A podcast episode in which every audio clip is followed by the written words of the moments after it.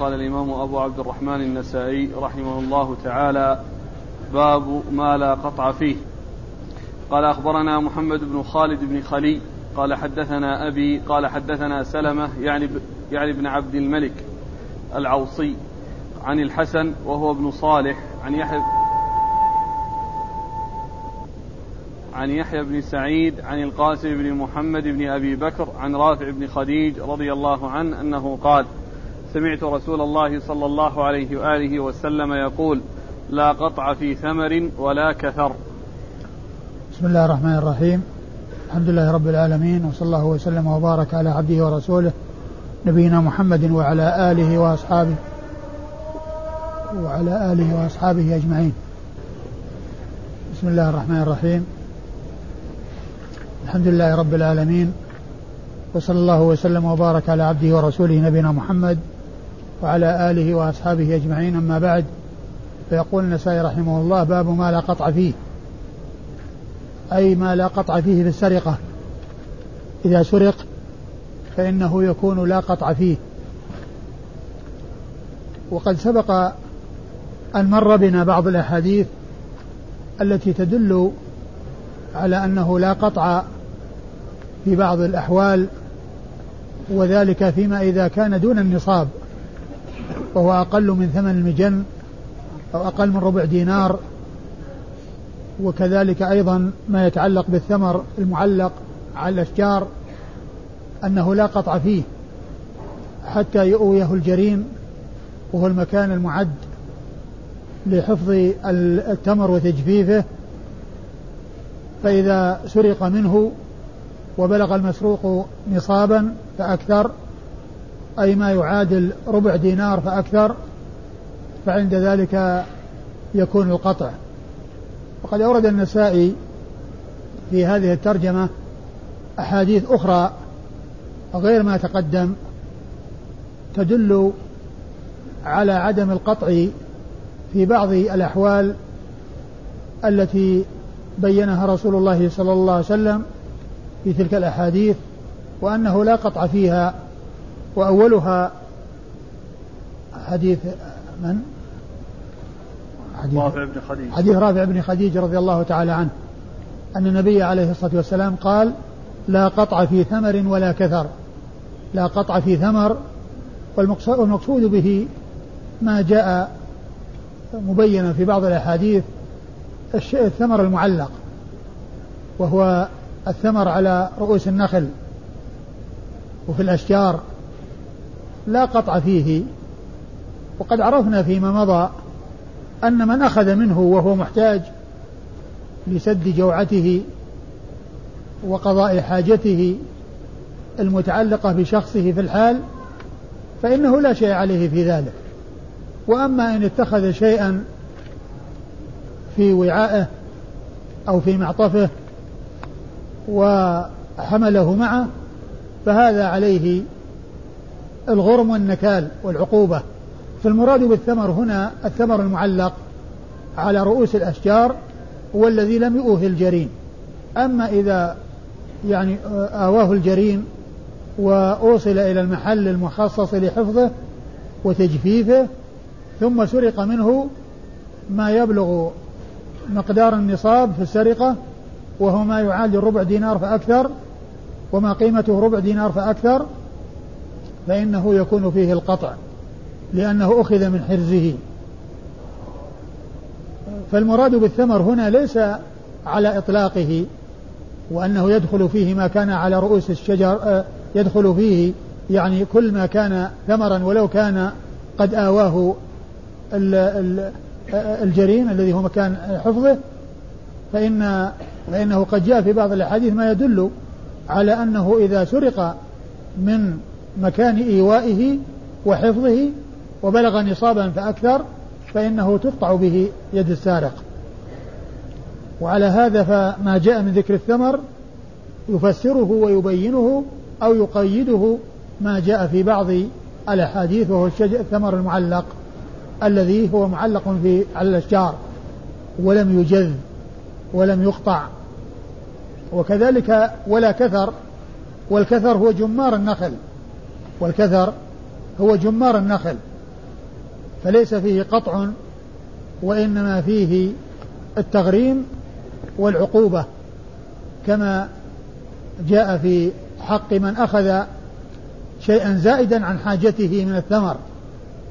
فالثمر إذا أخذ شيئا زائدا عن حاجته فإنه يغرم ويعاقب وهذا إذا أخذ منه شيئا أو أتلف منه شيئا فإنه يغرم ويعاقب. لكن إذا كان يعني هذا الشيء قد قطع وجعل في حرز وفي مكان يحفظ فيه فيكون مثل الثمر الذي أواه الجرين لكن إذا جاء إلى نخلة وقطعها وأخذ جمارها وأكله فإنه يغرم آه، يعني قيمة النخلة ويغرم أيضا ويعاقب. ويعاقب. فهذا هو معنى قوله عليه الصلاة والسلام لا قطع في ثمر ولا كثر. أيوه. قال أخبرنا محمد بن خالد بن خلي. محمد بن خالد ابن خلي الحمصي وهو صدوق أخرج حديثه النسائي وحده. عن أبيه. عن أبيه خالد بن خلي وهو صدوق أيضا أخرج حديثه البخاري والنسائي. عن سلمة يعني ابن عبد الملك. يعني عن سلمة يعني ابن عبد الملك وهو صدوق يخالف أخرج حديثه النسائي وحده. عن الحسن وهو ابن صالح. عن الحسن وهو ابن صالح بن حي الذي مر ذكره قريبا في الدرس الماضي هو وأخوه علي أخوان علي بن صالح بن حي والحسن بن صالح بن حي والحسن بن صالح بن حي هذا ثقة أخرج حديثه البخاري في أدب المفرد ومسلم وأصحاب السنة الأربعة عن يحيى بن سعيد عن يحيى بن سعيد الأنصاري المدني وهو ثقة أخرج حديثه أصحاب الكتب الستة. عن القاسم بن محمد بن أبي بكر. عن القاسم بن محمد بن أبي بكر الصديق وهو ثقة فقيه من فقهاء المدينة السبعة في عصر التابعين. أخرج حديثه أصحاب الكتب الستة. عن رافع بن خديج. عن رافع بن خديج رضي الله عنه صاحب رسول الله صلى الله عليه وسلم وحديثه أخرجه أصحاب الكتب الستة. قال أخبرنا عمرو بن علي قال سمعت يحيى بن سعيد القطان يقول حدثنا يحيى بن سعيد عن محمد بن يحيى بن حبان عن رافع بن خديج رضي الله عنه أنه قال سمعت رسول الله صلى الله عليه وآله وسلم يقول لا قطع في ثمر ولا كثر ثم ورد النسائي حديث رافع بن خديج من طريق أخرى وهو مثل الذي قبله. والإسناد يقول النسائي أخبرنا عمرو بن علي وهو الفلاس. ثقة أخرج له أصحاب الكتب الستة بل هو شيخ لأصحاب الكتب الستة. روى عنه مباشرة وبدون واسطة. عن يحيى بن سعيد القطان. عن يحيى بن سعيد القطان ثقة أخرج حديث أصحاب الكتب الستة. عن يحيى بن سعيد الأنصاري وقد مر ذكره. عن محمد بن يحيى بن حبان الأنصاري وهو ثقة أخرج له أصحاب الكتب الستة. عن رافع بن خديج وقد مر ذكره. قال أخبرنا يحيى بن حبيب بن عربي قال حدثنا حماد عن يحيى عن محمد بن يحيى بن حبان عن رافع بن خديج رضي الله عنه أنه قال سمعت رسول الله صلى الله عليه وآله وسلم يقول لا قطع في ثمر ولا كثر. ثم ورد النسائي حديث رافع بن خديج من طريق أخرى وهو مثل الذي قبله. والإسناد يقول النسائي أخبرنا يحيى بن حبيب بن عربي. يحيى بن حبيب بن عربي وهو ثقة أخرج حديثه مسلم وأصحاب السنة الأربعة عن حماد عن حماد هو بن زيد بن درهم البصري ثقة أخرج له أصحاب الكتب الستة. عن يحيى عن محمد بن يحيى بن حبان عن رافع بن خديج. عن يحيى وهو بن يحيى وهو بن سعيد الأنصاري عن محمد بن يحيى بن حبان عن رافع بن خديج وقد مر ذكرهم. قال أخبرنا عبد الرحمن بن محمد بن سلام قال حدثنا أبو معاوية عن يحيى بن سعيد عن محمد بن يحيى بن حبان عن رافع بن خديج رضي الله عنه أنه قال قال رسول الله صلى الله عليه وآله وسلم لا قطع في ثمر ولا كثر. ثم ورد النسائي حديث رافع بن خديج من طريق أخرى وهو باللفظ المتقدم. والإسناد؟ قال أخبرنا عبد الرحمن بن عبد الرحمن بن, بن محمد بن سلام وهو لا بأس به وهي بمعنى صدوق أخرج حديثه أبو داود والنسائي. عن أبي معاوية. عن أبي معاوية محمد بن خازم الضرير الكوفي وهو ثقة أخرج له أصحاب الكتب الستة. عن يحيى بن سعيد عن محمد بن يحيى عن رافع بن خديج وقد مر ذكر الثلاثة. لا مثل مثل غيره أقول مثله نعم. لأنه قال شجر الحديث الذي راه الشجر المعلق الثمر المعلق. والثمر ما, ما لا يختص بالنخل. قال أخبرنا عبد الحميد بن محمد قال حدثنا مخلد قال حدثنا سفيان عن يحيى عن محمد بن يحيى بن حبان عن رافع بن خديج رضي الله عنه عن النبي صلى الله عليه وآله وسلم أنه قال لا قطع في ثمر ولا كثر. ثم ورد النسائي حديث رافع بن خديج من طريق أخرى وهو باللفظ المتقدم. قال أخبرنا عبد الحميد بن محمد. عبد الحميد بن محمد بن مستام وهو ثقة أخرج حديثه النسائي وحده. عن مخلد وهو بن يزيد وهو صدوق له أوهام أخرج حديثه أصحاب الكتب الستة إلا الترمذي. عن سفيان. عن سفيان وهو بن سعيد بن مسروق الثوري ثقة فقيه أخرج حديثه أصحاب الكتب الستة. عن يحيى عن محمد بن يحيى عن رافع بن خديج. وقد مر ذكر الثلاثة. قال أخبرنا محمد بن إسماعيل بن إبراهيم قال حدثنا أبو نعيم عن سفيان عن يحيى عن محمد بن يحيى بن حبان عن رافع بن خديج رضي الله عنه أنه قال قال رسول الله صلى الله عليه وآله وسلم لا قطع في ثمر ولا كثر. ثم ورد النسائي حديث رافع بن خديج وهو باللفظ المتقدم. قال أخبرنا محمد بن إسماعيل بن إبراهيم. محمد بن إسماعيل بن إبراهيم المشهور أبوه بن علية. وهو ثقة أخرج حديثه النسائي وحده. عن أبي نعيم وهو الفضل بن دكين الكوفي وهو ثقة أخرج حديثه أصحاب الكتب الستة. وقد وصف بأنه يتشيع ولكن ذكر الحافظ بن حجر في ترجمته في مقدمة الفتح ما يدل على سلامته من طريقة الروافض وهي وهو قوله ما كتبت علي الحفظة أنني سببت معاوية. ما كتبت علي الحفظة أنني سببت معاوية.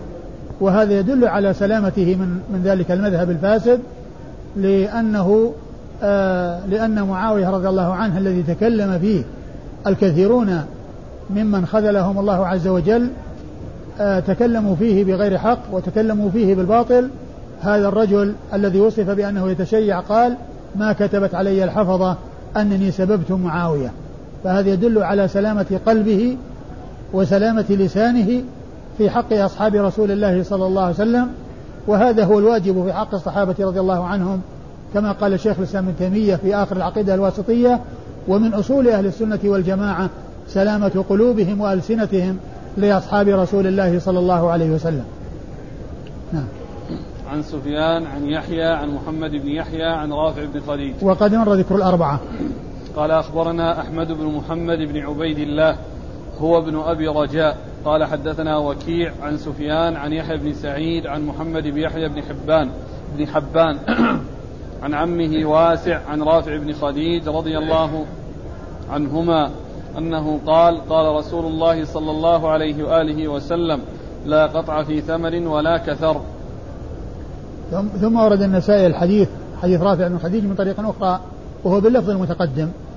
والإسناد؟ قال أخبرنا أحمد بن محمد بن عبيد الله هو ابن أبي رجاء. أحمد بن محمد بن عبيد الله بن أبي رجاء وهو صدوق, صدوق. نعم. أخرج حديثه. النسائي. وهو صدوق أخرج حديثه النسائي وحده. عن وكيع. عن وكيع بن الجراح الرؤاسي الكوفي وهو ثقة أخرج له أصحاب الكتب الستة. عن سفيان عن يحيى بن سعيد عن محمد بن يحيى بن حبان عن عمه واسع. وقد مر ذكر الثلاثة أما عم محمد بن يحيى بن حبان واسع بن حبان فهو قيل قيل إنه صحابي وقيل بل هو ثقة. يعني إذا لم يكن صحابيا فهو ثقة لأن الصحابة رضي الله عنهم وأرضاهم يكفي الواحد منهم أن ينسب إلى الرسول صلى الله عليه وسلم وإلى صحبة الرسول صلى الله عليه وسلم ولا يحتاج إلى أن يوصف بشيء آخر بعد ذلك بعد أن ظفر بهذا اللقب وظفر بهذه المنقبة العظيمة وهي صحبة الرسول الكريم صلوات الله وسلامه وبركاته عليه. وقيل يعني أنه ليس بصحابي ولكنه ثقة. يعني غير الصحابة يوصفون بأنهم ثقة وهذا ثقة أو فلان ضعيف أو فلان صدوق أو فلان كذا. أما الصحابة فيكفي الواحد منهم أن ينسب إلى الرسول عليه الصلاة والسلام ويقال في حقه صاحب رسول الله صلى الله عليه وسلم ورضي الله تعالى عن الصحابة أجمعين. وحديثه أخرجه أصحاب الكتب الستة. عن رافع بن خديج. عن رافع بن خديج وقد مر ذكره. قال أخبرنا قتيبة قال حدثنا الليث عن يحيى بن سعيد عن محمد بن يحيى بن حبان عن عمه أن رافع بن خديج رضي الله عنه قال سمعت رسول الله صلى الله عليه وآله وسلم يقول لا قطع في ثمر ولا كثر والكثر الجمار. ثم ورد النسائي الحديث من طريق أخرى وهو مثل الذي قبله إلا أن فيه زيادة تفسير الكثر وهو الجمار أي جمار النخل. والإسناد؟ قال أخبرنا قتيبة. أخبرنا قتيبة بن سعيد بن جميل بن طريف البغلاني ثقة أخرج حديثه أصحاب الكتب الستة. عن الليث وهو بن سعد المصري ثقة فقيه أخرج له أصحاب الكتب الستة. عن يحيى بن سعيد عن محمد بن يحيى بن حبان عن عمه أن رافع بن خديج. وقد مر ذكرهم. قال أخبرنا محمد بن علي بن مي... التفسير ممن؟ لا أدري. يعني يمكن من بعض الرواة. قال أخبرنا محمد بن علي بن ميمون قال حدثنا سعيد بن منصور قال حدثنا عبد العزيز بن محمد عن يحيى بن سعيد عن محمد بن يحيى بن حبان عن أبي ميمون عن رافع بن خديج رضي الله عنه أن رسول الله صلى الله عليه وآله وسلم قال لا قطع في ثمر ولا كثر. قال أبو عبد الرحمن هذا خطأ. أبو ميمون لا أعرفه. ثم ورد النسائي الحديث من طريق أخرى وهو مثل الذي قبله إلا أن فيه زيادة أبي ميمون يعني بين محمد بن يحيى بن حبان وبين رافع بن خديج. ومن المعلوم أنه قد جاءت الأحاديث المتعددة في رواية محمد بن يحيى بن حبان عن رافع بن خديج مباشرة وجاء من روايته عن عمه وجاء هنا من رواية أبي ميمون. وأبو ميمون آه، قال عنه قال النسائي هذا خطأ يعني الذي فيه ذكر أبو رافع أبو أبو ميمون وهذا لا أعرفه أي أنه مجهول. وقال الحافظ في التقريب أنه مجهول. هذا الذي هو أبو ميمون يروي عن رافع بن خديج. أبو ميمون يروي عن رافع بن خديج. والحديث ثابت يعني من غير هذا الطريق الذي فيه آه هذا الرجل المجهول. قال أخبرنا محمد بن علي بن ميمون. محمد بن علي بن ميمون الرقي وهو ثقة أخرج حديثه النسائي وحده. عن سعيد بن منصور. عن سعيد بن منصور وهو ثقة أخرج له أصحاب كتب الستة. عن عبد العزيز بن محمد. عن عبد العزيز بن محمد الدراوردي وهو صدوق أخرج له أصحاب كتب الستة. عن يحيى بن سعيد عن محمد بن يحيى عن أبي ميمون. عن عن يحيى بن سعيد عن محمد بن يحيى وقد مر ذكرهما. عن أبي ميمون وقد قال عنه الحافظ في التقريب إنه مجهول وقد أخ وحديثه عند النساء وحده عن رافع بن خديج وقد مر ذكره. قال أخبرنا الحسين بن منصور قال حدثنا أبو أسامة قال حدثنا يحيى بن سعيد عن محمد بن يحيى بن حبان عن رجل من قومه عن رافع بن خديج رضي الله عنه أنه قال سمعت رسول الله صلى الله عليه وآله وسلم يقول لا قطع في ثمر ولا كثر. ثم ورد النسائي حديث رافع بن خديج من طريق أخرى وهو مثل ما تقدم. قال أخبرنا الحسين بن منصور. الحسين بن منصور ثقة أخرج حديثه البخاري والنسائي. عن أبي أسامة. عن أبي أسامة حماد بن أسامة. وهو ثقة أخرج له أصحاب كتب الستة. عن يحيى بن سعيد عن محمد بن يحيى عن رجل من قومه. عن يحيى بن سعيد عن محمد بن يحيى عن رجل من قومه وهنا غير لم يسمى ويحتمل أن يكون عمه الذي جاء في الروايات السابقة الذي هو واسع بن, بن حبان. عن رافع. عن رافع وقد مر ذكره. قال والجهالة يعني في هذا لا تؤثر لأن الحديث ثابت بدون هذه الطريق وقد جاء في بعض الطرق أن الرجل الذي من قومه هو عمه واسع بن حبان وهو ثقة أو صحابي. قال أخبرنا عمرو بن علي قال حدثنا بشر قال حدثنا يحيى بن سعيد أن رجلا من قومه حدثه عن عمة له. أو عم له لأن في في تحفة الأشراف عم له. وهذا هو الأقرب لأنه يعني يكون آه، كما جاء في بعض الروايات أن يحيى بن محمد بن يحيى بن حبان روى عن عمه واسع بن حبان. عن عم له أن رافع بن خديج رضي الله عنه قال سمعت رسول الله صلى الله عليه وآله وسلم يقول لا قطع في ثمر ولا كثر. ثم ورد النسائي حديث رافع بن خديج وهو مثل ما تقدم والإسناد. قال أخبرنا عمرو بن علي عن بشر. عمرو بن علي هو الهلاس مر ذكره. بشر بن المفضل هو ابن المفضل وهو ثقة أخرج له أصحاب كتب الستة. عن يحيى بن سعيد أن رجلا من قومه. عن يحيى بن سعيد وهو الأنصاري أن رجلا من قومه ويكون هو محمد بن يحيى بن حبان لأنه أنصاري. أخبره عن عم له واسع بن حبان الذي مر ذكره عن يحيى بن سعيد عن محمد بن يحيى بن حبان عن واسع بن حبان. يعني فيكون هذان المجهولان أو اللذان لم يسميا هما اللذان سميا في آه، إسناد سابق. محمد بن يحيى عن عمه واسع بن حبان. نعم. عن رافع. عن رافع وقد مر ذكره. قال أخبرنا عبد الله بن عبد الصمد بن علي عن مخلد عن سفيان عن أبي الزبير عن جابر رضي الله عنه عن رسول الله صلى الله عليه وآله وسلم أنه قال ليس على خائن ولا منتهب ولا مختلس قطع. لم يسمعه سفيان من أبي الزبير.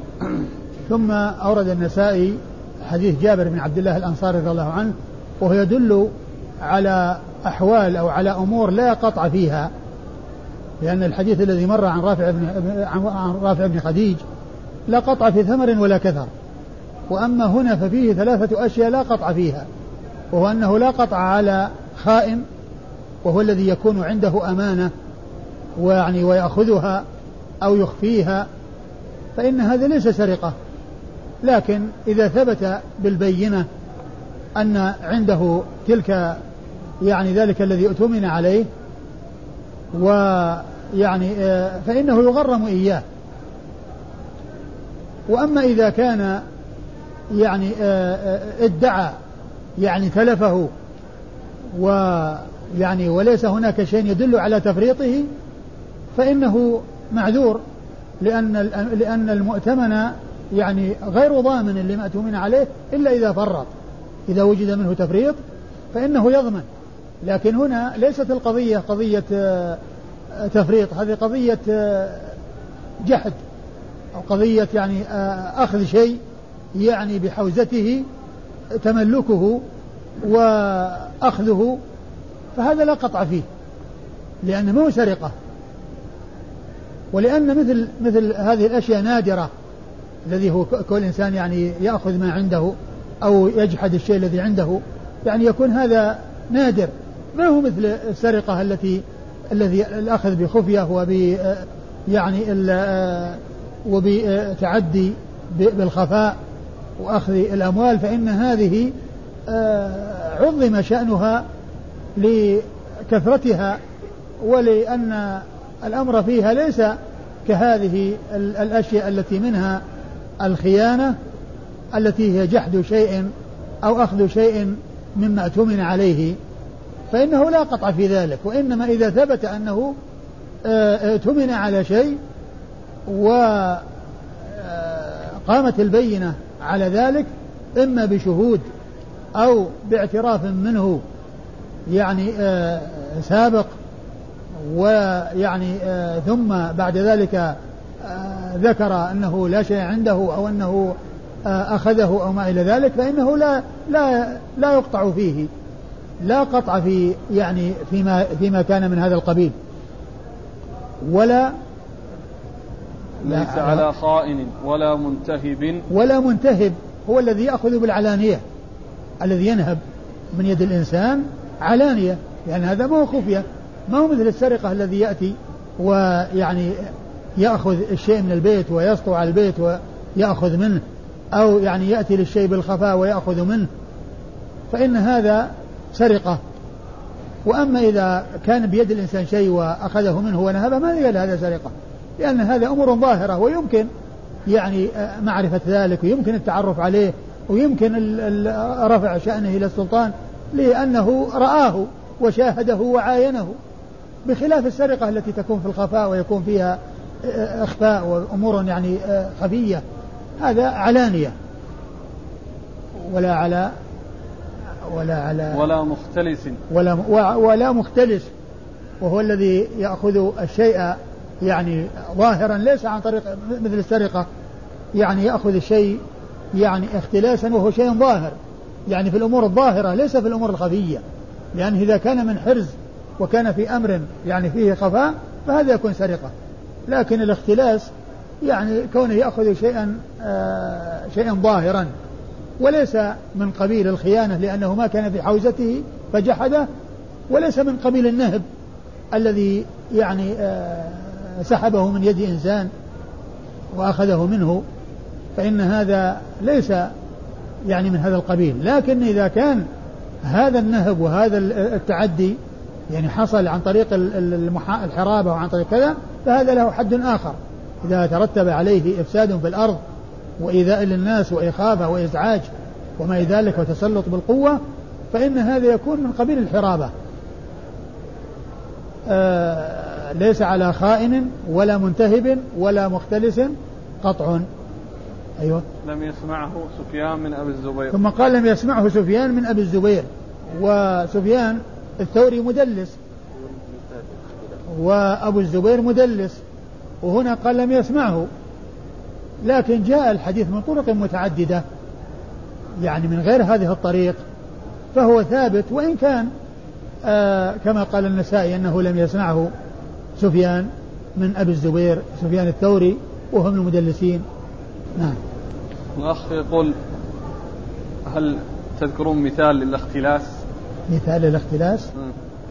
النهب يعني ينتهب من الإنسان والاختلاس يعني آه، يأخذ يعني شيئا يعني ليس في حرز. طبعا لأنه إذا كان في حرز يكون سرقة. لكنه يعني يأخذه بخفية في شيء ظاهر. يعني مثل يعني شيء ليس في حرز وشيء يعني آه يعني مثل الغنم في يعني في في مرعاها يأخذها بخفية. يعني ما يدري عنها صاحبها. هذا قال اختلاس. لأن في شيء ظاهر. ما هو في حرز وفي مر في في مراح ولا في آه، يعني شيء آه، مخصص لحفظها وإنما في الفلات. يأتي إنسان في البر ويجد يعني غنم منتشرة ثم يأتي بخفية ويأخذ واحدة منها ويشرد بها. هذا قال اختلاس ولا قال سرقة؟ لأنه ما هو في حرز نعم. تغيير الحسابات تغيير الحسابات. تغيير صندوق غير الحسابات. وكذلك وكذلك. هذا اختلاس أيضا لأنه شيء ظاهر. يعني ما هو شيء خفي. ها؟ عقوبتهم عند الحاكم. أقول الحاكم يعني يقدر لهم العقوبة الغرم والعقوبة مثل ما مر في الذي يأخذ أكثر من حاجته من الثمر الذي على رؤوس النخل فإنه آه، يغرم وينكل به ويعاقب. والعقوبة تقديرها عند الحاكم وعند القاضي. قال أخبرنا عبد الله بن عبد الصمد بن علي. عبد الله بن عبد الصمد بن علي وهو صدوق. نعم أخرج له النسائي. صدوق أخرج حديثه النسائي وحده ولقب علي خداش ويعني في التقريب ليس فيه علي ولكن فيه بدل علي خداش وخداش لقب لعلي. يعني معناه أنه ذكر هنا باسم جده وذكر في التقريب بلقب جده. ذكر في التقريب بلقب جده. لأن ما في في التقريب أحد اسمه محمد آه، آه، عبد الله عبد الله بن عبد الصمد ابن علي. ما في ذكر علي لكن في ذكر خداش بدل علي. وفي في تهذيب التهذيب لما قال يعني عبد عبد الله بن عبد الصمد بن علي ولقب علي خداش. ولقب علي خداش.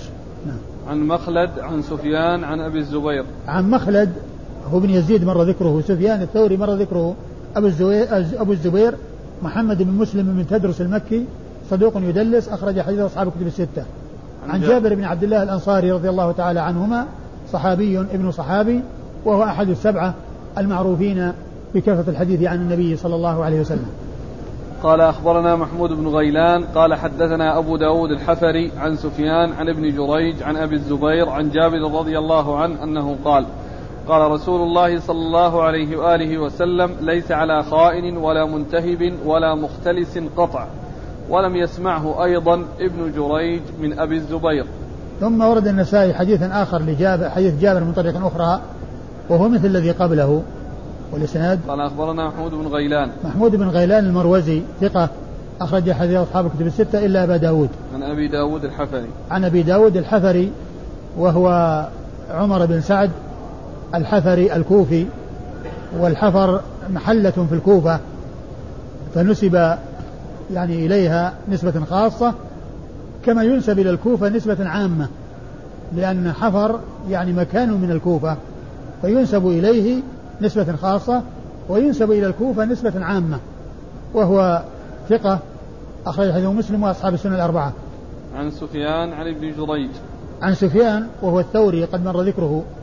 وابن جريج هو عبد الملك ابن عبد العزيز بن جريج المكي ثقة فقيه يرسل ويدلس وحديثه أخرجه أصحاب الكتب الستة. عن أبي الزبير عن جابر. عن أبي الزبير عن جابر وقد مر ذكره وقال أيضا النسائي أن ابن أن ابن جريج لم يسمعه من أبي الزبير لكن كما عرفنا الحديث جاء من طرق متعددة فعدم سماعه لا يؤثر نعم قال أخبرنا إبراهيم بن الحسن عن حجاج قال قال قال ابن جريج قال أبو الزبير عن جابر عن رسول رضي الله عنه عن رسول الله صلى الله عليه وآله وسلم ليس على المختلس قطع.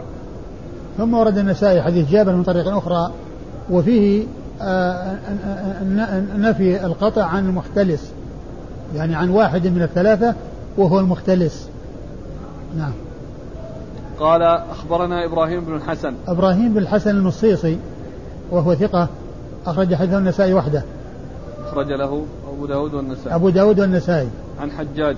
عن حجاج بن محمد المصيصي الأعور وهو ثقة أخرج له أصحاب كتب الستة. عن ابن جريج عن أبي الزبير عن جابر. وقد مر ذكر الثلاثة. قال أخبرنا إبراهيم بن الحسن عن حجاج. قال قال ابن جريج قال أبو الزبير قال جابر رضي الله عنه ليس على الخائن قطع. قال أبو عبد الرحمن وقد روى هذا الحديث عن ابن جريج عيسى بن يونس والفضل بن موسى وابن وهب ومحمد بن ربيعة ومخلد بن يزيد وسلمة بن سعيد بصري ثقة. قال قال ابن أبي صفوان وكان خير أهل زمانه فلم يقل أحد منهم حدثني أبو الزبير. ولا أحسبه سمعه من أبي الزبير والله تعالى أعلم. ثم ورد النسائي حديث جابر من طريق أخرى وفيه ذكر المختلس والمنتهب. ليس على الخائن قطع. نعم على الخائن بس. بس. وفيه ليس على الخائن قطع. ليس على الخائن قطع. أنه موقوف. هو موقوف. قال جابر ليس على الخائن نعم قطع. نعم. وهو موقوف. وقال النسائي بعد هذا أنه لا يحسب أن ابن جريج أيضا سمعه من آه، أبي الزبير. وذكر جماعة يعني رواه عن أبي الزبير وليس فيهم أحد قال حدثني أبو الزبير. قال ولا أحسبه سمعه منه.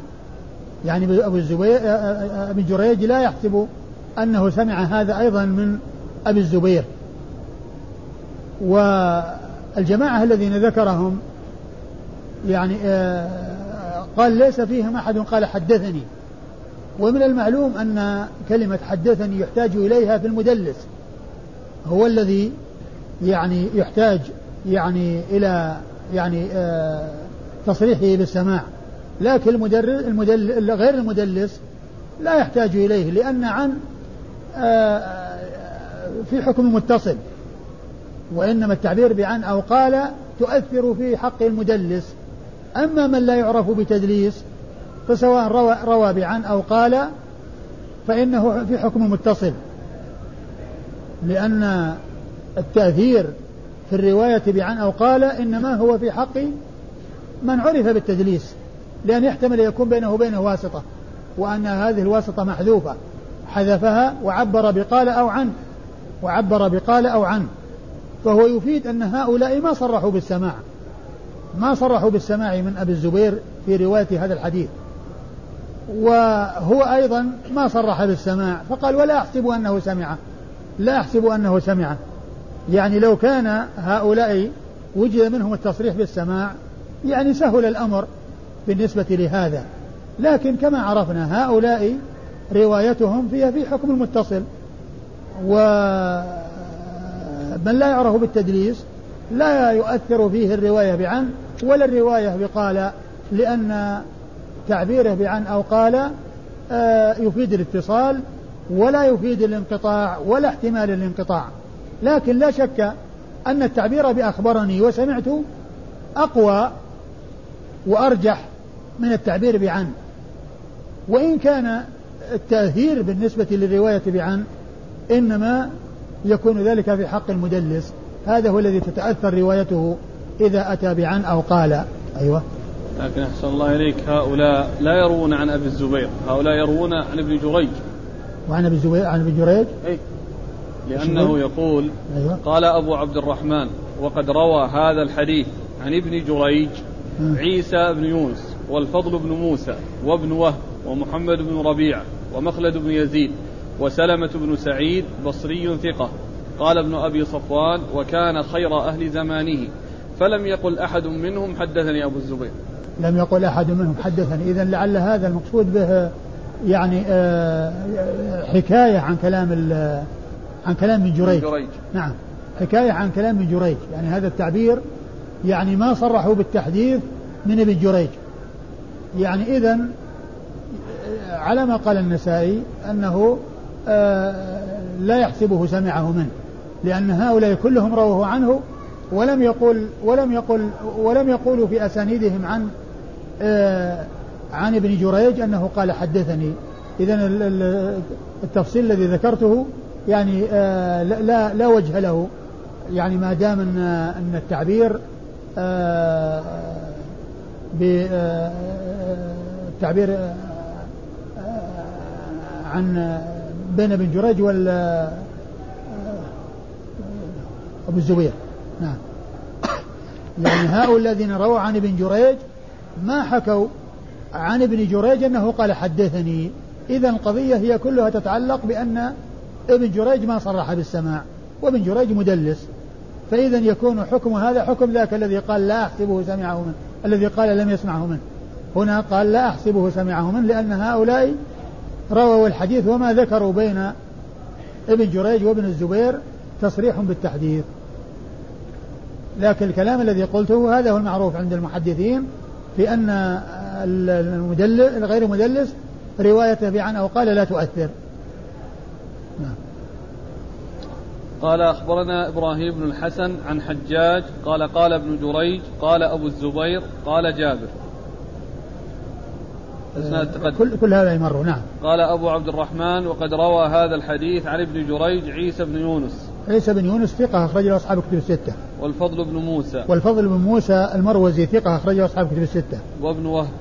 وابن وهب عبد الله بن وهب المصري ثقة أخرج له أصحاب كتب الستة. ومحمد بن ربيعة. ومحمد بن ربيعة صدوق أخرج حديثه البخاري في أدب مفرد وأصحاب السنة الأربعة. ومخلد بن يزيد وسلمة بن سعيد. مخلد بن يزيد مر ذكره. صدوق له أوهام أخرج حديث أصحاب الكتب الستة. إلا أبا داود و إلا الترمذي. إلا الترمذي. و وسلمة بن سعيد. وسلمة بن سعيد هذا ذكر ذكر النسائي يعني قوله عنه إنه ثقة وذكر عن ابن أبي صفوان إنه قال كان خير أهل زمانه الذي هو آه، إيش اسمه؟ من؟ سلمة بن سعيد. سلمة بن سعيد نعم. سلمة بن سعيد وقال عنه الحافظ في التقريب صدوق أخرج حديثه النسائي وحده. قال أخبرنا خالد بن روح الدمشقي قال حدثنا يزيد يعني ابن خالد بن يزيد بن عبد الله بن موهب قال حدثنا شبابه عن عن المغيرة بن مسلم عن أبي الزبير عن جابر رضي الله عنه أنه قال قال رسول الله صلى الله عليه وآله وسلم ليس على مختلس ولا منتهب ولا خائن قطع. ثم ورد النسائي حديث جابر. نعم. حديث جابر من طريق أخرى وهو مثل الذي قبله. قال أخبرنا خالد بن روح الدمشقي. خالد بن روح الدمشقي صدوق؟ ثقة. ثقة أخرج النسائي وحده. نعم. ثقة أخرج حديث النسائي وحده. عن يزيد يعني بن خالد بن يزيد بن عبد الله بن موهب. عن يزيد يعني بن خالد بن يزيد بن عبد الله بن موهب وهو؟ ثقة أخرج أبو داود والنسائي بن ماجه. وهو ثقة أخرج حديث أبو داود والنسائي وابن ماجه. عن شبابه عن شبابه بن سوار وهو ثقة أخرجه أصحاب كتب الستة. عن المغيرة بن مسلم. عن المغيرة بن مق... بن مسلم وهو صدوق. أخرج حديثه البخاري في الأدب المفرد وأبو داود والنسائي وابن ماجه. البخاري في الأدب المفرد وأبو داود والنسائي وابن ماجه. بدال أبي داود الترمذي. والترمذي البخاري في الأدب المفرد والترمذي والنسائي وابن ماجه. عن أبي الزبير عن جابر. عن أبي الزبير عن جابر وقد مر ذكرهما. هذا يكون هذا الصحيح يعني ما في تدريس هنا. سمع. اللي هو المغيرة بن مسلم عن أبي الزبير. أي نعم. عن, عن أبي الزبير؟ إيه. لأن هناك سفيان عن أبي الزبير قال لم يسمع وابن جريج عن أبي الزبير قال لم نعم، يسمع. نعم. هنا المغيرة بن مسلم عن أبي الزبير. نعم. قال أخبرنا محمد بن العلاء قال حدثنا أبو خالد عن أشعث عن أبي الزبير عن جابر رضي الله عنه أنه قال ليس على خائن قطع قال أبو عبد الرحمن أشعث بن سوار ضعيف ثم ورد النسائي الحديث الحديث وهو موقوف على جابر من طريق أخرى وفيه ليس على خائن قطع. ثم قال النسائي أشعث هو بن سوار وهو ضعيف. نعم. قال أخبرنا محمد بن العلاء. محمد بن العلاء أبو كريب. محمد بن العلاء بن كريب أبو كريب. ثقة أخرجه أصحاب كتب الستة. عن أبي خالد. عن أبي خالد الأحمر وهو سليمان بن حيان وهو صدوق يخطئ. أخرج حديثه أصحاب الكتب. أخرج حديثه أصحاب الكتب الستة. عن أشعث عن أشعث بن سوار وهو ضعيف. أخرج حديثه البخاري البخاري في المفرد ومسلم الترمذي والنسائي بن ماجه. والترمذي والنسائي بن ماجه. عن أبي الزبير عن جابر. عن أبي الزبير عن جابر وقد مر ذكرهما. قال رحمه الله تعالى باب قطع الرجل باب قطع الرجل من السارق بعد اليد. والله تعالى أعلم وصلى الله وسلم وبارك على عبده ورسوله نبينا محمد وعلى آله وأصحابه أجمعين.